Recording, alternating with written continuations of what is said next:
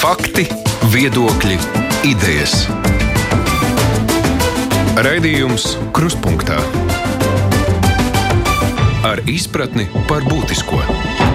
Studijā Mārija Ansone sācinoties spriedzē saistībā ar Covid-19 pandēmiju, ielās izējot protestētājiem pret vakcināciju, atkal un atkal ir izskanējuši pārmetumi par to, ka valdība nerunā ar sabiedrību. Nākamgad gaidāmās parlamenta vēlēšanas, protams, situāciju nepadara vieglāku, jo karstie temati dažam politiķim var būt ērts veids nelikt par sevi aizmirst un izmantot sabiedrības noskaņu savā labā. Kā pie varas esošo partiju politiķi paši vērtē savu komunikāciju ar sabiedrību, kā to redz sabiedrisko procesu vērotāji, kādas ir pieļautās kļūdas, tas ir mūsu sarunas temats šodien. Kopā ar mums attālināti ir politiķi no valdību veidojošajām partijām, Raivs Dzinters no Nacionālās apvienības. Labdien! Labdien! Labdien. Jā, tāpat arī Juris Jurašs no jaunās konservatīvās partijas sveicināti. Labdien! Juris Pūci no apvienības attīstībai par labdien! Labdien! Un Artis Kampars no jaunās vienotības sveicināti! Dien. Jā, savukārt klātienē kopā ar mums ir sabiedrības, sabiedrisko procesu vērotāja Evita Putniņa, Latvijas Universitātes asociētā profesora, sociāla antropoloģija. Sveicināti! Labdien! Un vēsturnieks, jo droši vien, ka šī, šie procesi ir interesanti arī no vēsturnieka skatījumā, Vidzemes augstskolas rektors Gats Krūmiņš. Sveicināti! Labdien! Bet vispirms es vaicāšu politiķiem, nu, skatoties to, kas notika nesen šīs protesta akcijas, kā jūs paši raksturotu, nu, kas īsti notika? Kur tam visam aug kājas, vai, vai šie cilvēki nāca politiķu samulsināti, vai politiķi vienkārši pielipa sabiedrības neapmierinātībai, vai vispār ar tam, ar politiku nav nekāda sakara? Kā jums tas izskatās, Cintarkungs? Uh, nu, jāsāk ar to, ka, ka šādas protesta akcijas nav nekas unikāls tikai Latvijai. Nu, patiesībā sakot, Latvijā mēs jau pie, pieredzam tādu ļoti, ļoti maigas izpausmes no tā, no tā, ko kaut vai citās Eiropas valstīs mēs, mēs šobrīd piedzīvojam, un tā noteikti nav vienīgā līdzība. Arī attieksme pret valdību, attieksme pret politiķu pieņemtiem lēmumiem, pret nu, šis pieņemto lēmumu pretrunīgums faktiski komunicējot ar citu uh, Eiropas Savienības valstu pilsoņiem, uh, cik ir bijusi iespēja, tad faktiski šķiet, ka tā dienas kārtība ir, ir absolūti visu līdzīga. Nu, uh, ar, ar ko es gribu teikt, ka, protams, var meklēt un, un ir jāmeklē, un noteikti ir kļūdas arī politiķu komunikācijā. Tāpat laikā ar to nevar izskaidrot visu. Tur ir ļoti daudz apstākļu, nav viena vienkārša atbilde. Sabiedrības nogurums no, no, no šiem no ierobežojumiem, no, no neziņas. Arī bieži vien, kas ir saprotami, ka mainoties, parādoties ar vien jauniem secinājumiem, atklājumiem par vīrusu, mainās arī pieņemtie, mainās pieņemtie lēmumi. Nu, šis process, kā Uga Dums to raksturoja, tas mums visiem ir eh, bijis, nu, ir kaut kas jauns, kam eh, iepriekš neviens nebija gatavs. Līdz ar to tā saraust, lēmuma saraustāmība sarau, un, un neprognozējumība, tas ir tas, nu, tā ir tā spriedze, kas cilvēkos krājas. Un, protams, ka tur ir viegli kādam piemest dzirksteli. Tas, protams, tas apzināti notiek, ka tīpaši pirms vēlēšanām šos apstākļus mēģinās politiskās organizācijas izmantot. Bet, uh, bet arī bez šīm politiskām organizācijām daudz procesu, kas notiek gluži vienkārši spontāni. Tāpēc tas, nu, izmantojot sociālos tīklus, tas sabiedrības noskaņojums, nu, viņš kaut kādā veidā nāk uz ārā. Juraškungs, kā jums izskatās šie procesi?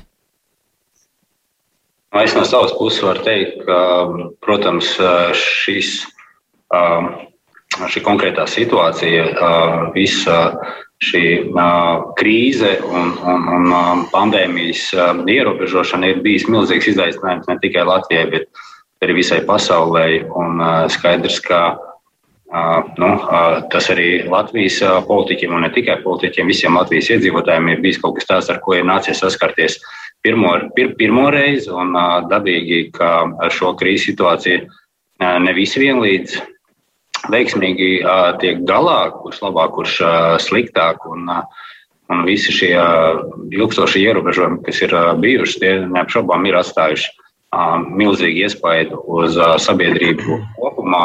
Un, skaidrs, ka kļūdas ir bijušas gan, gan valdībai, politiķiem, komunikācijā ar, ar sabiedrību.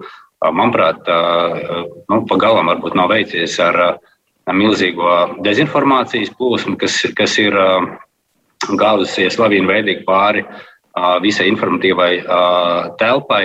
Bet, protams, ka nevar neatzīmēt, ka kā jebkurā valstī, arī Latvijā vienmēr ir kaut kāda noteikta sabiedrības daļa, kas vienmēr ir ar kaut ko neapmierināta un visos iespējamos veidos mēģina paust savu attieksmi par valstī notiekošo. Lielā mērā, protams, šie procesi nu, īpaši tika akcentēts vakcinācijas jautājums, arī ierobežojumi tika pieminēti, un nu, šajā gadījumā droši vien kaut kādas atbildes, kaut kāda runāšana tika gaidīta gan no veselības ministra puses, gan no premjera puses. Um, jautājums ir uh, partiju pārstāvjiem, uh, kurus uh, pārstāv gan veselības ministra amatu, gan premjera amatu. Nu, tad runāšana, skaidrošana, vai tās bija pietiekoši? Vai jūs zinat kaut ko, kas varēja būt pateikts un skaidrots cilvēkiem un netika izdarīts, Kamparkungs? Jā, sveicināti. Nu, neapšaubāmi eh, komunikācija par mm, apmierinošs. Es noteikti nevarētu saukt, nezinu, līdzīgi domā arī ar manu kolēģi valdībā.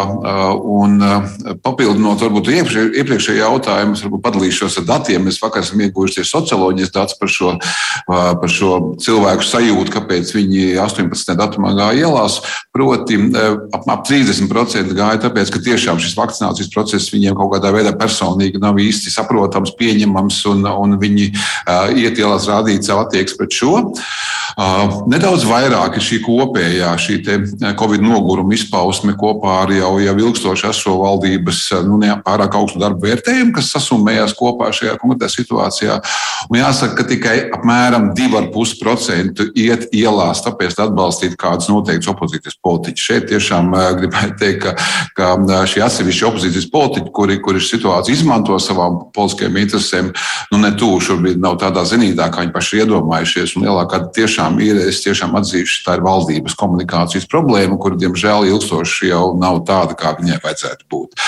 Tā kā es teiktu, valdībai ļoti ārkārtīgi nopietni jādomā gan pie mm, vakcinācijas komunikācijas, cilvēku uzrunājot, stāstot, kāpēc vakcinācija ir nepieciešama, tas ir vienīgais īstais ceļš, lai mēs atjaunotu normālu dzīvi. Un otrs, protams, šī empātija. Tas ir pats pats svarīgākais, kurā no augstākā līmeņa politiķiem ir eh, jāspēj parādīt, ka, mm, ka viņi saprot to, ko cilvēki cilvēki jūt, uh, un to, ka viņi spēj dot risinājumus tā, lai uh, cilvēku šī drošība tomēr palielinātos un ārkārtīgi tāda neskarība par nākotni mazinātos. Tas, tas tāds uh, ātrais vērtējums.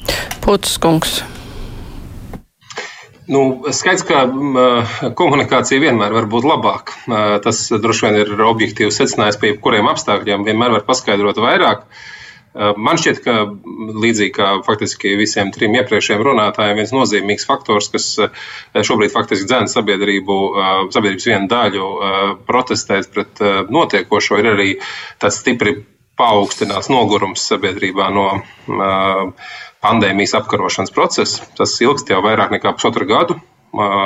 Cilvēki ir piedzīvojuši dažādas izmaiņas regulējumā un noteikumos pamatā tas cilvēks nav apmierinājies, tas ir ierobežojis viņa dzīvi, radījis nērtības, bieži vien ļoti lielas nērtības. Un, protams, kādos apstākļos kaut kādu īsu periodu cilvēki spēja mobilizēties uh, kopīgu mērķu labad, bet, lai ilgstoši uzturētu uh, mobilizāciju kopīgiem mērķiem, um, nu, acīm redzot, pietrūkst uh, iekšējas motivācijas un arī ārējā motivācija nepietiekama. Daļai to, protams, to var kompensēt politiķi ar, ar komunikāciju. Es gribētu piekrist Zintaru kungu teiktajam, ka tā jau nav arī, mēs esam vienīgā valsts uh, Eiropā, kas piedzīvo plašas protestu kustības. Tā skaitā ļoti demokrātiskas valsts ar, ar uh, ļoti iekļaujošu sabiedrību un tradicionāli ļoti augstu uzticību valdībām. Pat tur šajās valstīs ir novērojami plaši protesti. Uh, jo acīm redzot, pandēmijas ierobežojumi tomēr aizskar kādas daļas iedzīvotāju vērtējumu par to, ar ko būtu vai nebūtu jānodarbojas valdībai. Vai ko varētu mainīt valdība šādos apstākļos? Nu, nu, Pirmkārt, jebkurai valdībai, jebkuros apstākļos ir skaidri jārāda, ka tās zina, kurp dodas. Un tas, manuprāt, ir viens no lielajiem izaicinājumiem šajā apstākļos. Ir vairāk iepriekš runātājā teica, ka mēs esam vairāk kārtīgi mainījušies. Ne jau tāpēc, ka valdība ir mētājusies vai bijusi neprātīga, bet tāpēc, ka ir mainījušies apstākļi, mainījušies noteikumi, mainījusies izpratne par vīrusu un kā ar to tikt galā šajā laikā. Un, un tas droši vien neveicina sajūtu par to, ka mums ir kopumā valdībai skaidrs plāns par to, kā tikt galā. Nu, tas, protams, arī droši vien vairo neusticēšanos citās lietās. Tā kā droši vien es teiktu, mums ir jākomunicē, ka mēs zinām, ko darām, un rūpējamies par iedzīvotājiem un darām to sabiedrības interesēs. Jā, nu tad jautājums ir klātesošajiem ekspertiem. Nu, Jūsuprāt, kādus lēmumus tad īsti sabiedrība, ja mēs vispār varam pat runāt par sabiedrību kā kaut ko vienu, bet no nu, šajā gadījumā, acīm redzot, nu tā neapmierinātā sabiedrības daļa, kādus lēmumus tad, kādus vārdus tā sagaida, ko nu, ko vajadzētu vismaz mēģināt darīt, lai cilvēkus mazliet nomierinātu, jo visiem droši vien, ka būtu labāk, ja visi tā pragmatiski raudzītos uz notiekošo un uz šo problēmu, uz Covid un eh, to, nu, kā tad lietas atgriezt normālās sliedēs Putniņas kundze. Vai jums ir kāda versija, tad kas būtu jāsaka cilvēkiem, lai viņi justos apmierināti, ka ar viņiem runā?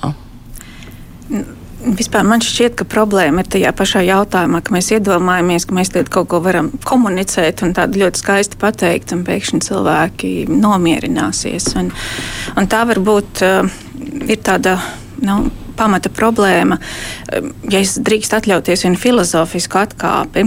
Savulaik franču antropologs Bruno Latūrs, runāja par apgaismības laikmetu un to, kā zinātne un politika veidojās. Un, un proti, ka tika iedomāts, ka zinātnē nav absolūti nemaz politikas, un tāpēc zinātnē ir šis bezkaislīgais status, un savukārt politiķi iedomājās, ka politikā nemaz nav zinātnes vai matemātikas. Mēs dzirdējām, kam par kungs teica, jā, viņš tos, teiksim, to sabiedrību iedomājās kā socioloģisku aptauju, kā cipars.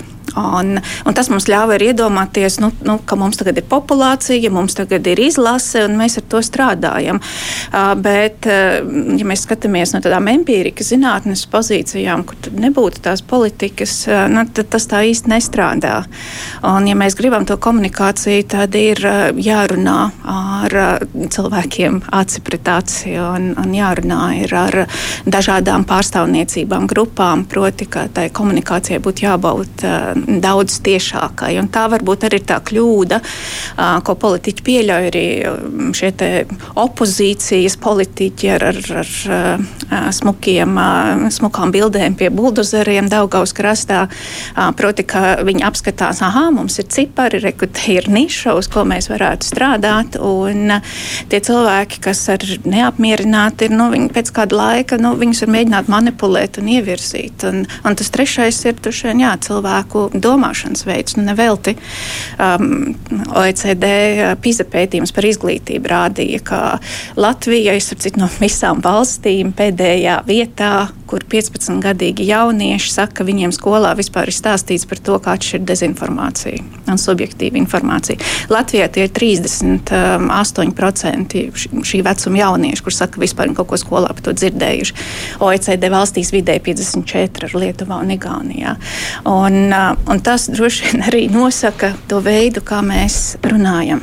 Bet uh, aci pret aci, nu, teiksim, šajā gadījumā iziet uh, pie pils protestētāju pulks, aci pret aci vajadzēja kādam iet un kaut ko stāstīt, tas būtu auglīgi, vai citādi runāt ar pārstāvjiem, aicināt uz tikšanos?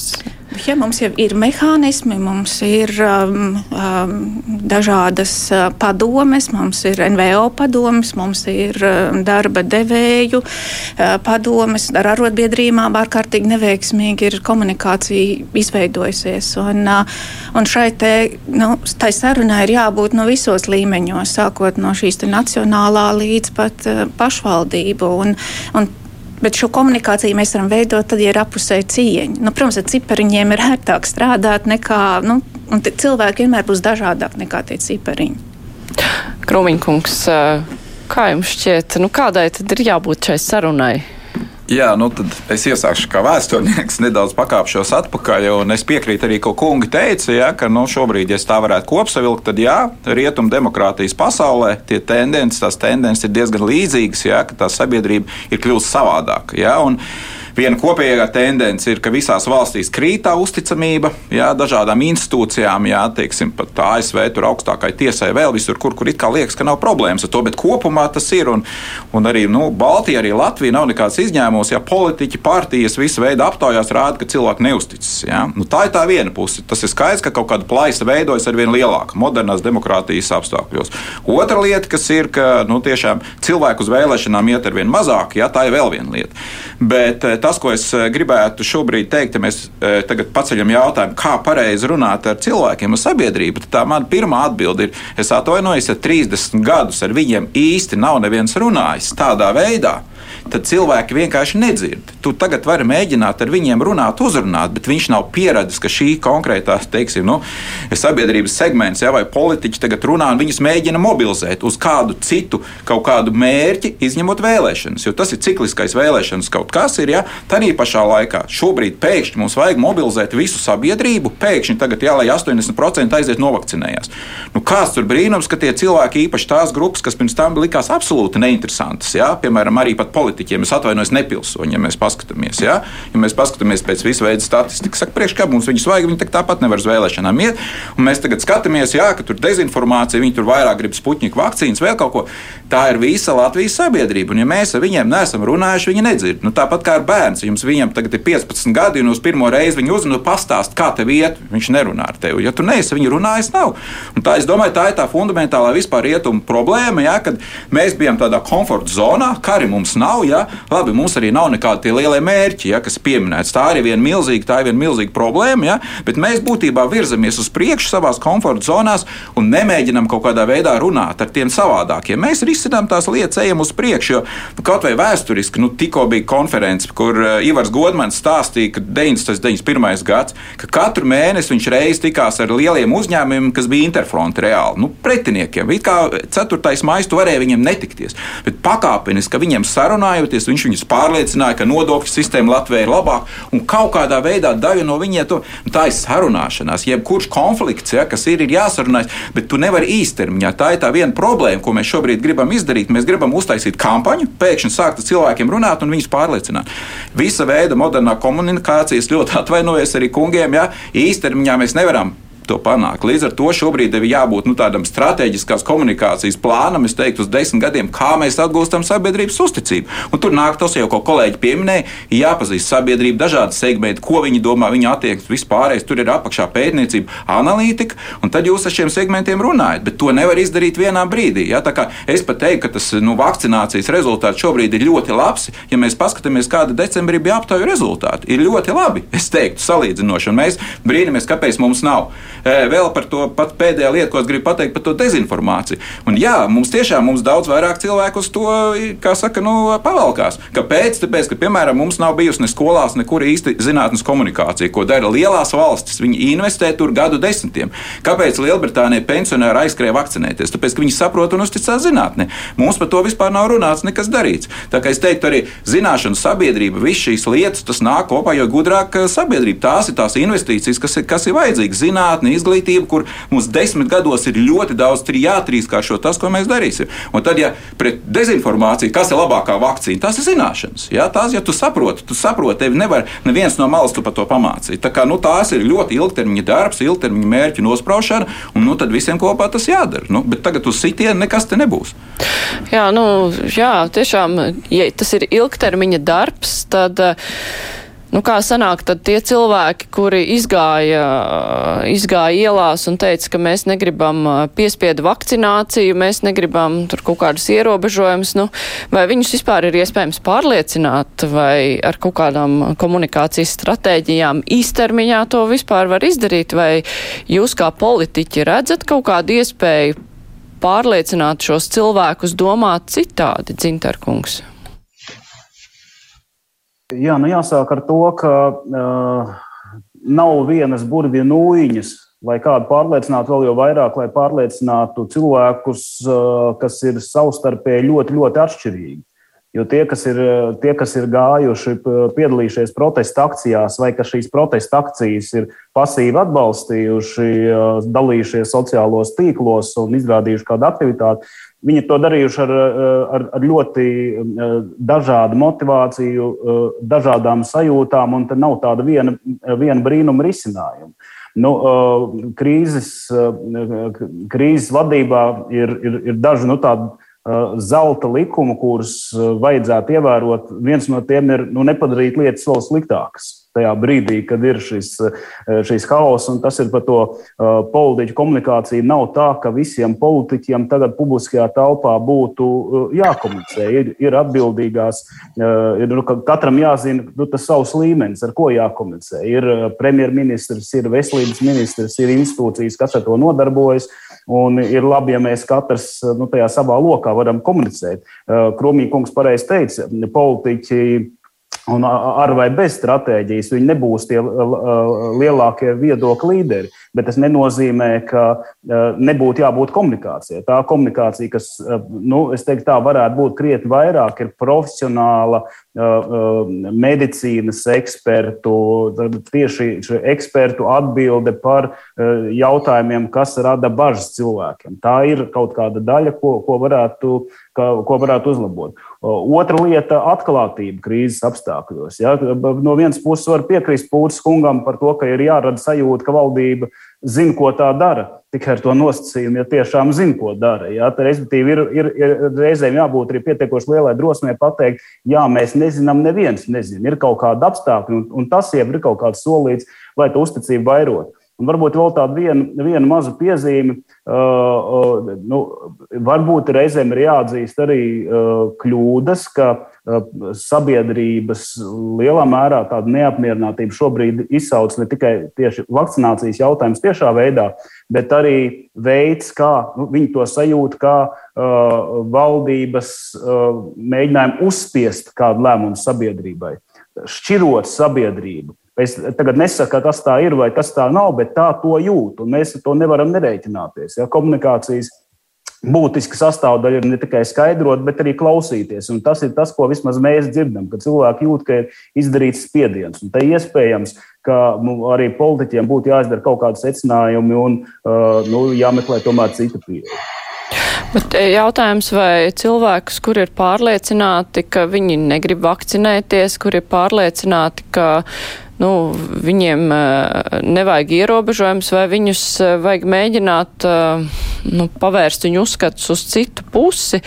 Nu, tādā ziņā no vienas puses mums ir viedokļu brīvība, taču mēs katrs drīkstam ticēt, kam mēs gribam. Tajā pašā laikā, nu, ja kāds mēģina teikt, ka nē, taisnība ir tikai tiem, kas ir par vakcināciju vai par ierobežojumiem, un tad saka, ka mēs esam totalitāri, ne, autoritāri valsts par totalitārismu, tur varbūt retāk kurš runā, bet, nu, katrā ziņā mūs salīdzina ar visādiem režīmiem. Tad jautājums, vai cilvēkus vajag mēģināt pārliecināt, ka viņiem jādomā, kā valdība domā, vai nevajag pūcis kungs?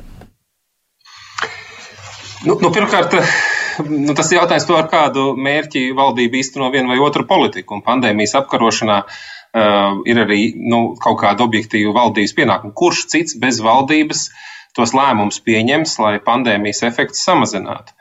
Mēs droši vien neviens nevēlamies situāciju, ka Latvijā ir pārpildīts slimnīcas un veids tikai neatliekamo palīdzību, un neviena cita darbība nav pieejama Latvijas iedzīvotājiem, kuriem var būt jebkāda saslimšana šajā laikā. Un skaidrs, ka valdībai ir atbildība nodrošināt, lai veselības aprūpas sistēma var tikt galā ar eh, izaicinājumu. Eh, un valdībai ir dažādas metodas, kā to izdarīt. Un, no, sākot no šī gada sākuma, faktiski efektīvākā pieejamā metode ir vakcinācija. Ja, ja personas vakcinējas, tad Latvijas iedzīvotāju vairums ja būtu vakcinējies. Mums arī riski slimnīcu pārpildēji un, protams, arī attiecīgi cilvēku nāvēm ievērojami saruktu.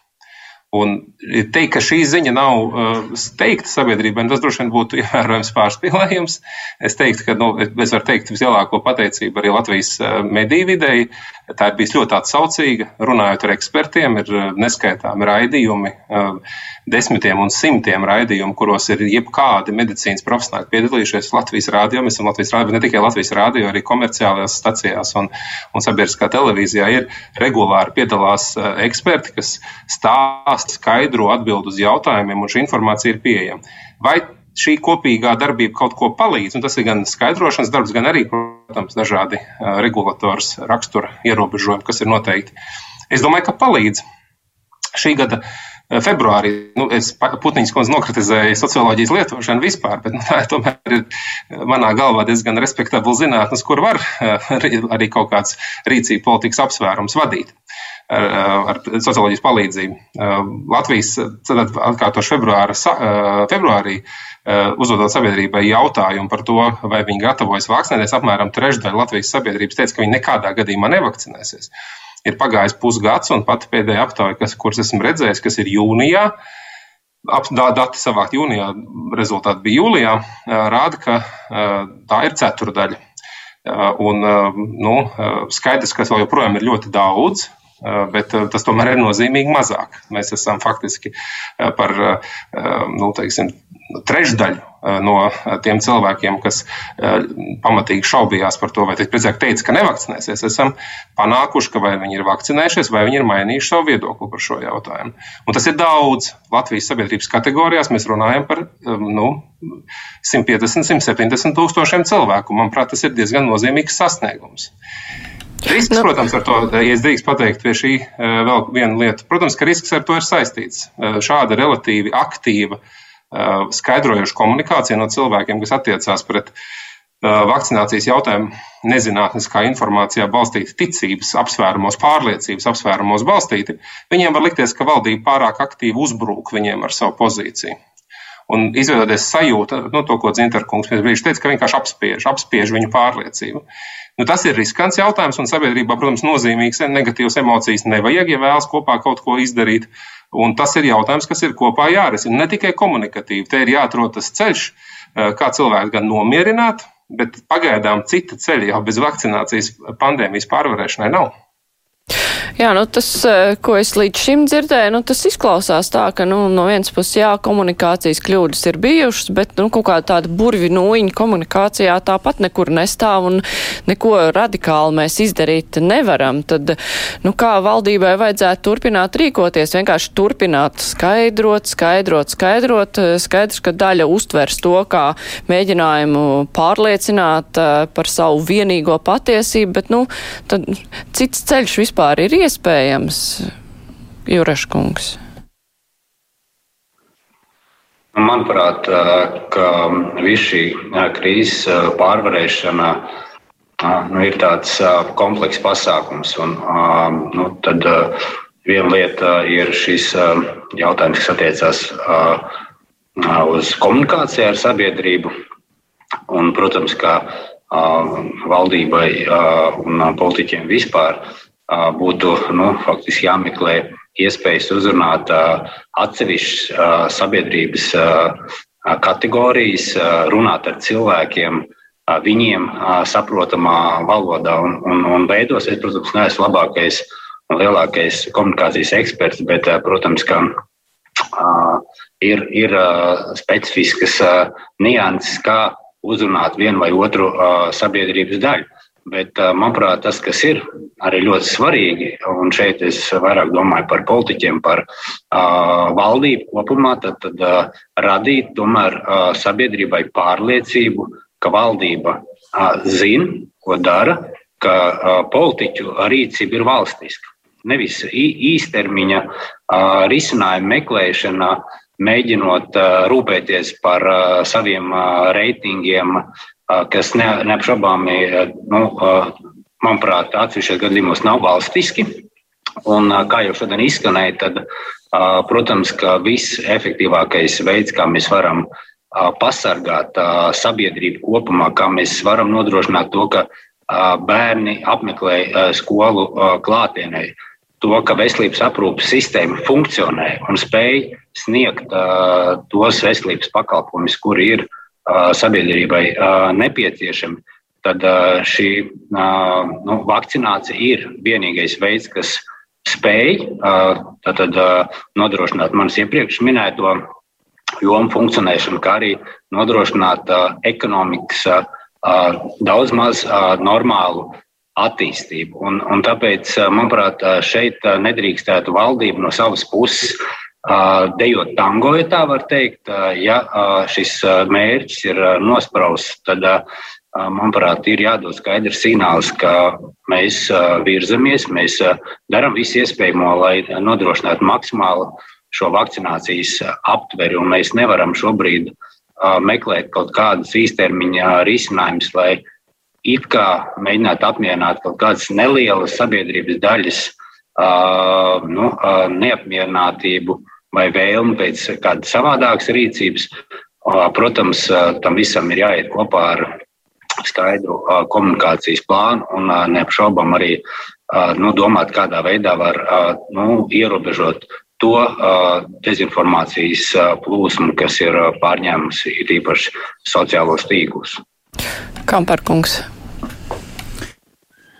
Jā, nu, valdības tikai viena liela daļa pienākumu ir saistīta ar komunikāciju. Galvenā tomēr valdības darba daļa ikdienā, ko, ko sabiedrība sagaida, ir reāli lēmumi, gudri pārdomāti zinātnē, informācijā, izpratnē balstīti, kurā, kurā sabiedrība paļaujas, ka šie lēmumi būs gudri. Tā skaitā pandēmijas šo seku, seku risināšanā, pandēmijas samazināšanā, likvidēšanā. Nu, lūk. to nu, vairāk šie lēmumi ir bijuši, kur pagājušajā gadā šo laiku pirmais, ko mēs gaidījām, bija gatavošanās vakcinācijai, atceramies vakcīnu pasūtīšanu, vakcīnu nodrošināšanu, kas bija pirmais lielais solis to brīdi. Nu, liela šauba nebija tā skaitā šai esošajai opozīcijai, kur kritizēja vakcinēšanos kā tādu, tad drīzāk diskutēja visi, vai valdība spēja nodrošināt vakcīnas. Ja. Tas ir iziets, diemžēl tur tiešām ir bijušas kļūdas, un, un es ļoti ceru, ka nu, šādas kļūdas, kas tika veikts, vairs neatkārtosies. Nākamais solis mēs redzam, ka situācija attīstās. Ja, uz, uz, uz, uz gada sākumu mums nebija šī, šī delta varianta, un, un, un šis delta variants ir parādījies, kurš tomēr nedaudz pamaina arī situāciju nu, šajā vīrusu izplatības kontekstā. Un valdībai, sākoties jau sezonai, ir jābūt precīzam plānam, ko ar šo darīt. Un vai, piemēram, šie likuma grozījumi, ja, kuri, kurus šobrīd izskata parlamentā, un kurš uzliek par pienākumu atsevišķām kategorijām vakcinēties, vai viņš šobrīd ir laikā, vietā, vai sasniedz rezultātu, vai sabiedrības izpratnē Uh, nu, šis, šī trauksme par šo slikti komunicēto ziņu šobrīd uh, tomēr nav pārāk liela, lai iet uz priekšu. Es teiktu, ka visticamākais šis ir noteikti nopietni jāpārdomā. Un, un ja mēs varam iet uz priekšu, nosacīt, neizstāstot, nepārdomājot līdz galam nu, un, un, un sasniedzot mērķus, kuri Uh, nu, kuri visi kopīgi, proti, pandēmijas mazināšanās, skola atvēršana, darbs, ekonomikas atvēršana un tā joprojām. Nu, šis ir ļoti komplekss jautājums. Tas, ko es teiktu, ka, ka valdības sākumā soļi ir svarīgākie, un tālāk viņi ir jāpastāst. Precīzi, skaidri, iespējami plaši un ārkārtīgi svarīga tieši šī empātija. Lai sabiedrība saprot, ka valdība ir ieklausījusies visās sabiedrības daļās. Mēs nevaram pateikt, ka kāda sabiedrības daļa ir eh, mazāk svarīga. Pat tā, kur varbūt eh, raugās uz vakcinēšanos ar aizdomām, eh, pat tā, kura ir jānokļūst dezinformā, dezinformācijas valgos, arī viņai, valdībai, ir jāatrod iespēja, lai pateiktu, klau, šeit šis ir kopīgs sabiedrības uzdevums. Kā jau Pūtskungs teica, ar augstu varbūtību mūsu veselības aprūpas sistēma būs ļoti, ļoti noslogota. Mēs neviens nevēlamies, lai, lai, lai tā iekļūtu krīzes situācijā. Un tāpēc tas ir pirmais valdības darbs ar, ar soļiem caur vakcinācijas motivēšanu, ar soļiem caur reālu plānu veselības aprūpas sistēmas stiprināšanā un, protams, nemitīgu ikdienas skaidrošanu. Jā, nu, tas arī ir tas, kas visu laiku ir ticis darīts, Krūmiņa. Jā, jā, es tomēr, nu, Kampara kungs nedaudz, nu, teiksim, tas mans viedoklis, jādara valdībai, varbūt nedaudz atšķirās. Varbūt Kampara kungs neprecīzi izteicās. Jā, manuprāt, ir valdības uzdevums ne tikai kaut kādu stratēģiju nodefinēt, kas būtu labi, kas stratēģija, bet arī nodrošināt, lai viņi tiek īstenot. Un šeit mēs savukārt nu, pieņemam, piemēram, lēmumu, ka 80% vajag vakcinēt, tad to nepietiek. Un šeit demokrātiskā sabiedrībā šī sabiedrības iesaiste kritiski svarīga. Nu, mēs, nevaram, mēs nevaram bez sabiedrības panākt to. Nu, totalitārās valstīs, jā, mēs zinām, ka to var izdarīt savādāk. Ja? Bet mums ir nepieciešams līdz ar to tur šī strateģiskā komunikācija, nu, tā ir komponente ar tā sabiedrības iesaisti, nodrošina, lai šie lēmumi tiek pieņemti. Nu, diemžēl mums ir tāda nu, slikta ilgtermiņa kultūra uz tādām lietām. Napu mēs apstiprinām, saimā apstiprinām, un pēc tam nav. Nu, valdībā jāsako līdzi un, un jāiedarbina tas viss. Un tad savukārt tā komunikācijas sabiedrība te jau izskanēja, un es uzskatu, ka zināšanas un izsakošana, monitorings, kā cilvēku doma ir ārkārtīgi svarīgi. Ja mēs tagad paskatāmies, jā, ka viena daļa no tās sabiedrības kaut kādā veidā nu, negrib vakcinēties, ja pat nu, par to tēmu, bet mēs, piemēram, esam pētījuši no zinātnes viedokļa, no zinātnes pratības, ka mēs varam sabiedrību sadalīt astoņos dažādos segmentos. Un ir vieni 10%, kas tiešām zinātnē redz apdraudējumu, tie arī ir tie antivakseri, tie ir tie uzņēmīgākie pret dezinformāciju.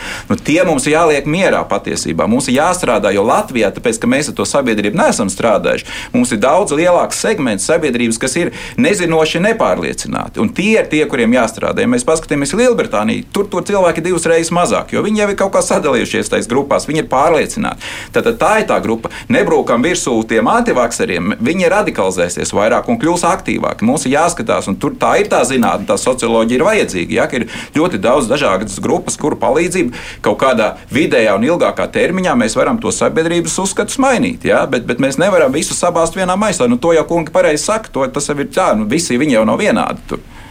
Putniņš kundze, tad jāstrādā ar tiem, ar kuriem ir iespējams strādāt. Ir tā, ka daļa vienkārši ir jāliek mierā un viss, kaut arī tā daļa būtu tā, kas varbūt ir izgāja tajās dienās ielās. Jāsaka, ka atkal tā ir perspektīva. Un, uh, Tas, ko mēs darām, mēs skatāmies uz sabiedrību, nu, kā uz sabiedrību segmentiem, nepārliecinātajiem. Un, um, nu, mēs tos cilvēkus dehumanizējam. Un es domāju, ka tā ir viena no lietām. Nu, tā bija teiksim, arī nesenā, nu, kur pavisam nav kaut kādas vecas tradīcijas apakšā. Teiksim, tas bija patvērumu meklētāju gadījums uz Baltkrievijas robežas, kur cilvēki tiek dehumanizēti. Visu mēs saliekam tādā nu, skaistā runā, tas cilvēks pazūd. Un, uh, Man liekas, ka tā galvenā problēma, ir, ar, kur, kur mēs esam iekrituši, ir, ka vakcinācijas jautājums ir politizēts. Un tas ir veselības jautājums pašā pamatā. Un, tikko mēs to mēģinām risināt politikas laukā, un, un uztveram to kā, kā politikas jautājumu, nu, tad tas paliek jau pavisam citādi risināms. Tas ir risināms ar politikas līdzekļiem, bet ja mēs domājam par uh, to, kādā veidā šo pandēmiju apturēt un kā samazināt cilvēku pieplūdumu slimnīcām, tad mums ir jāskatās tomēr uz zinātnes pusi, mums ir jāskatās cilvēku trajektorijas un nevis tāda naiva socioloģija, kur ir viena aptauja un tad mēs skatāmies, kā kaut kāda cipariņa mainās, bet uh, mēs skatāmies gan uz mikrobu trajektorijām, gan uz cilvēku trajektorijām. Un te ir iespējams gan paredzēt dažādas situācijas attīstības. Un, bet tā ir tiešām tā ir, tas ir komplekss zinātnes jautājums. Un, un tad, tad nāk politika. Un mēs redzējām pavisam stulbas kļūdas, kur tika izdomāts, ka taisīs vakcinācijas loteriju. Un varbūt nu, vienam tur sēžot kabinetā likās, vajag forši, citur ir, mums tagad arī būs. Bet neviens nepaskatījās, ka 70% Latvijas iedzīvotāji ir pret loteriju loterijām un vēl vairāk ir pret citām azartspēlēm. Nu, proti, ka, ka tas ir bijis no ārkārtīgi stulbs risinājums un patiesībā nu, tie politiķi, kas to proponēja, iešāva sev kājā, kaut gan tie dati jau tur bija pieejami. Un, un jāļauj ir veselības aprūpas speciālistiem darīt savus darbus, un tur ir jāieliek arī finansējums, un viņus jāatbalsta. Un, e, nu, un mums ir jābūt komunikācijā ārkārtīgi tiešiem. Tikko mēs dzirdējām, ka vienīgais risinājums ir vakcinācija. Nu, nav vakcinācija vienīgais risinājums. Imunitāti iegūst arī izslimojot, un ja cilvēks ir galīgi pret visu, viņš ir absolūti drošs, viņš ir izolējies savā mežā un ar vienu cilvēku netiekās. Arī tas ir tīri pieejams risinājums no epidemioloģijas geogrāfiskā skatu punkta. Nu, to jau arī valsts atļauj. Tā jau nav, ka visiem skrien ar šprici virsū.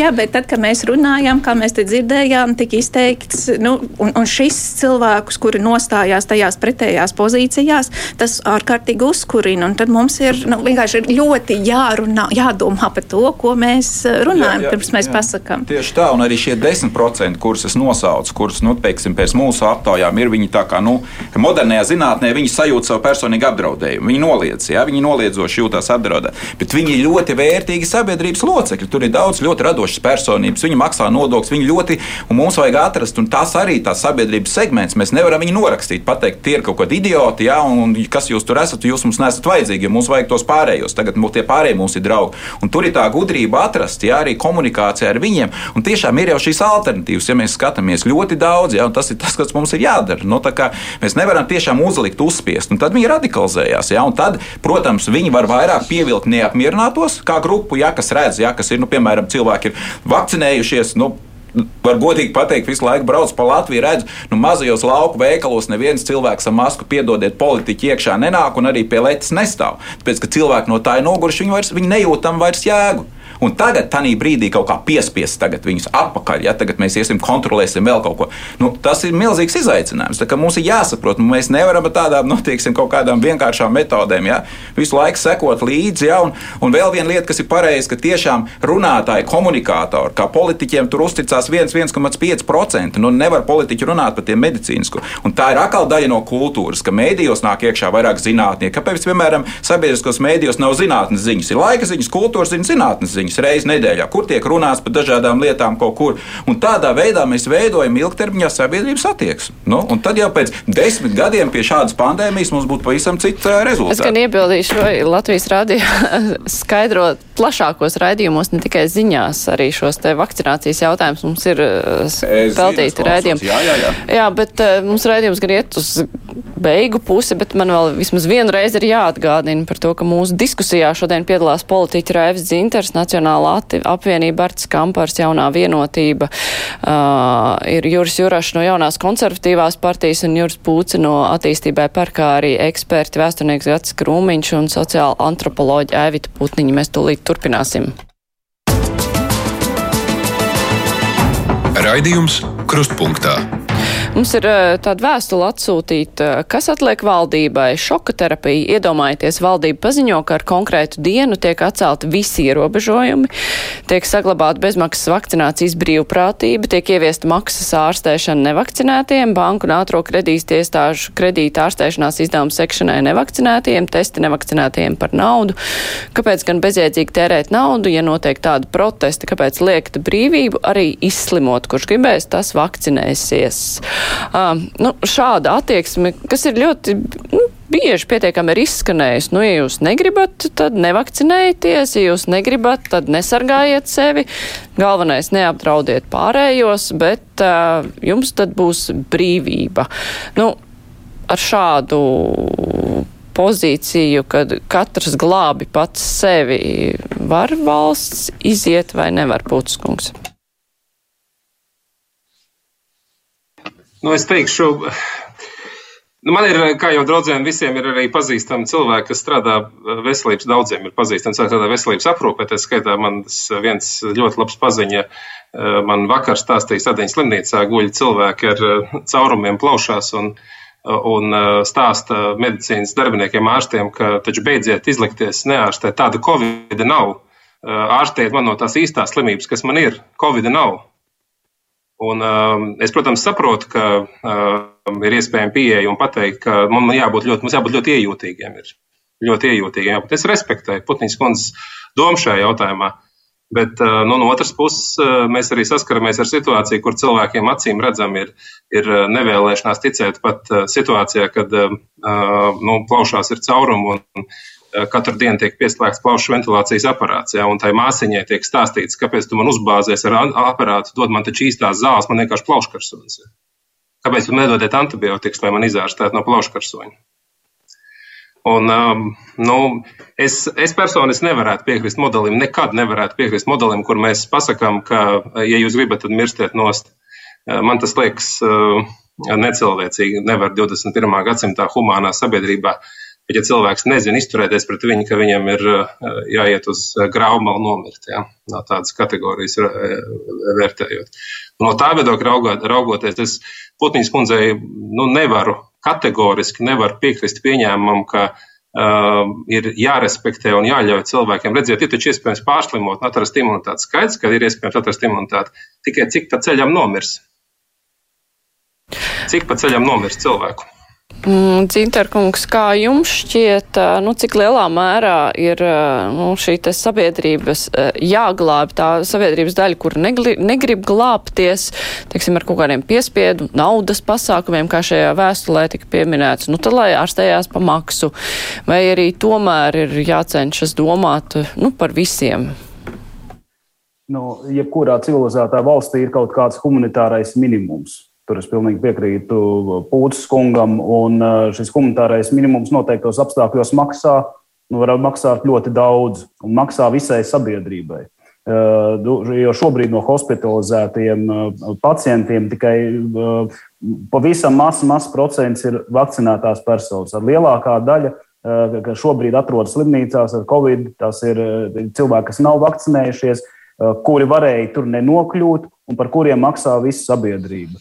Un tai, tai skaitā eh, nu, netiešā veidā maksā arī tie, kuri, nepie, kuri nevar piekļūt pie citiem veselības pakalpojumiem. Tā kā eh, pateikt, ka katrs par sevi nu, valstī tas būtu vienkārši risinājums, bet tā mēs, eh, tā mēs to arī izdarīt nevaram.